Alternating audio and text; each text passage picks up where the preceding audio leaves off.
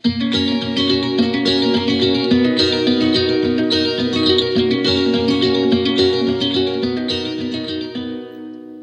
til Danske Bankers, podkasten for deg som vil vite hva som rører seg i markedet fra uke til uke.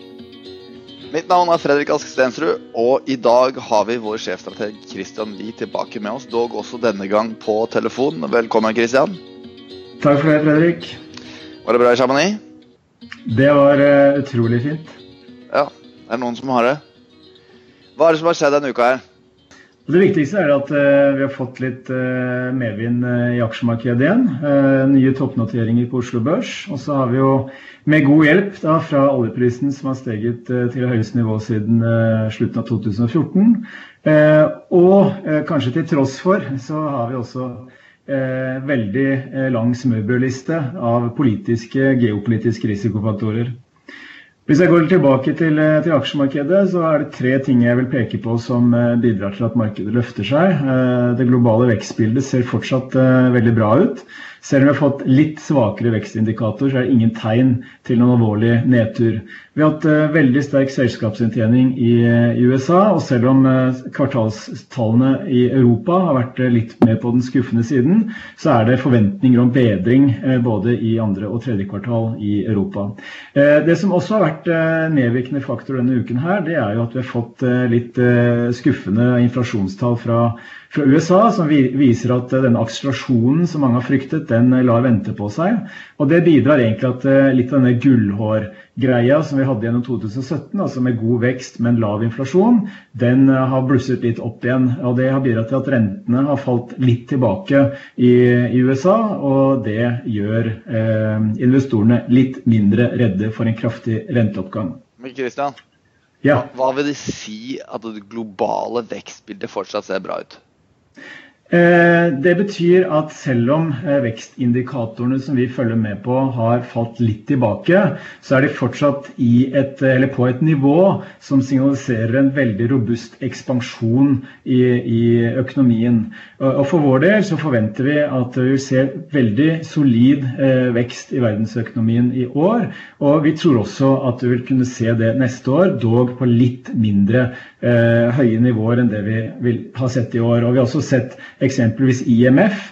De har jo nylig eh, oppjustert sine forventninger til verdensøkonomien både for 2018 og for 2019. Så det er ingen tegn til noen alvorlig nedtur i økonomien.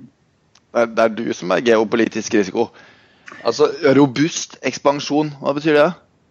Eh, det betyr at vi har en eh, vekstrate i verdensøkonomien som er høyere enn normalt, som, eller mot normalt, som Leif Juster kanskje ville sagt. Nå kom du ned på mitt nivå, det er bra. Ja, det er bra. det er bra.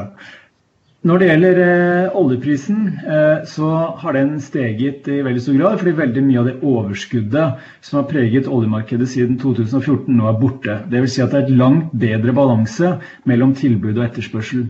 Og Det har skjedd både fordi veksten i verdensøkonomien har steget, som gir høyere etterspørsel etter olje, men også fordi produksjonen har blitt stramma til gjennom de kuttene som OPEC og Russland har gjennomført siden begynnelsen av 2017. Og I en situasjon som i dag, hvor markedet er betydelig strammere, strammere, så blir også følsomheten for forstyrrelser på tilbudssiden større. Og det er jo her denne geopolitiske risikoen kommer inn. F.eks. Trumps eh, advarsel nå om at eh, han kan finne på å gjeninnføre sanksjoner mot eh, Iran, som dermed vil ramme oljeproduksjonen og oljeeksporten fra Iran. Og I tillegg så har vi også problemer i i Venezuela, hvor oljeproduksjonen har falt kraftig. Vi har utfordringer i Jemen, og vi har også produksjonsforstyrrelser i Libya. Vi tror ikke en oljepris på 77 dollar eh, fatet er farlig for verdensøkonomien. For det første så drives oljeprisen til dels av sterkere økonomisk aktivitet, ikke bare tilbudssideproblemer. For det andre har redusert importavhengighet i USA bidratt til at en større del av amerikansk økonomi nå faktisk drar nytte av stigende oljepriser.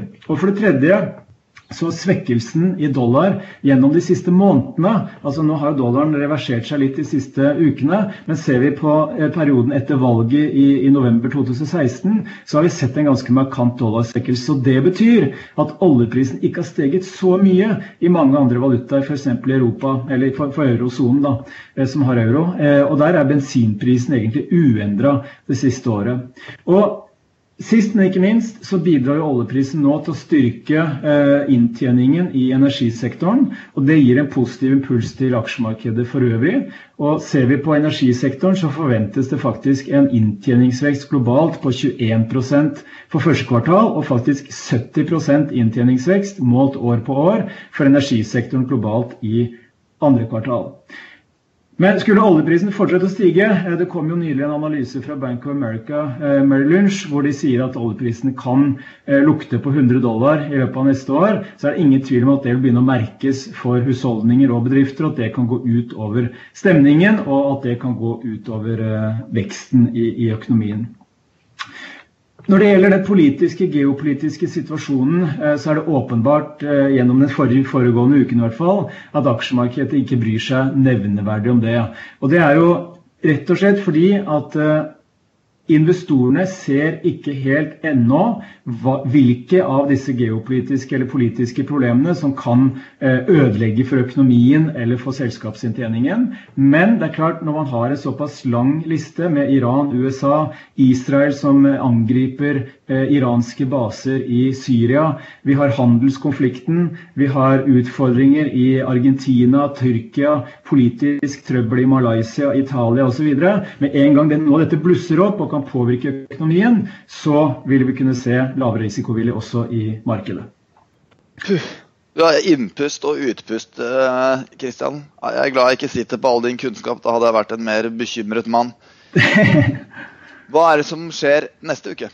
Ja, Neste uke så vil nok markedene følge tett med, tett med på hva eh, Trump gjør i forhold til eh, Kina og, og handelskonflikten. Eh, det har kommet noen signaler fra fra kinesiske myndigheter om at de er på vei over til USA for å forhandle, og det kan virke lovende.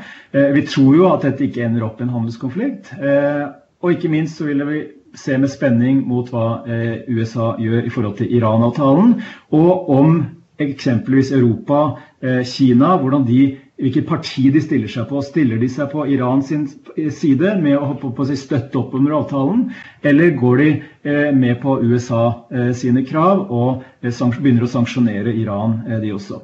Eller så får vi amerikanske detaljhandelstall på tirsdag klokka halv tre. De vil være viktige for å lodde stemningen blant amerikanske forbrukere. og på onsdag så får vi nye inflasjonstall fra eurosonen, som igjen vil kunne påvirke forventningene til hva Den europeiske sentralbanken vil, vil gjøre med eh, sitt oppkjøpsprogram, og ikke minst med renten etter hvert.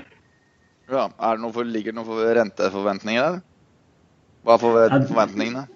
Nei, Det ligger ingen eh, forventninger om noen endringer i renten. Men etter hvert så vil jo en, eh, en, veldig lav inflasjonsrate som vi har sett i eurosonen over ganske lang tid, kanskje kunne bidra til at ECB må holde pengepolitikken veldig veldig stimulerende i lengre tid enn det man har eh, forventa tidligere. Veldig bra. Takk skal du ha, Kristian. Da oppsummerer jeg de viktigste tingene for neste uke etter at jeg har gitt dere litt markedsbevegelser. Og dette er da bevegelser siste fem handelsdager.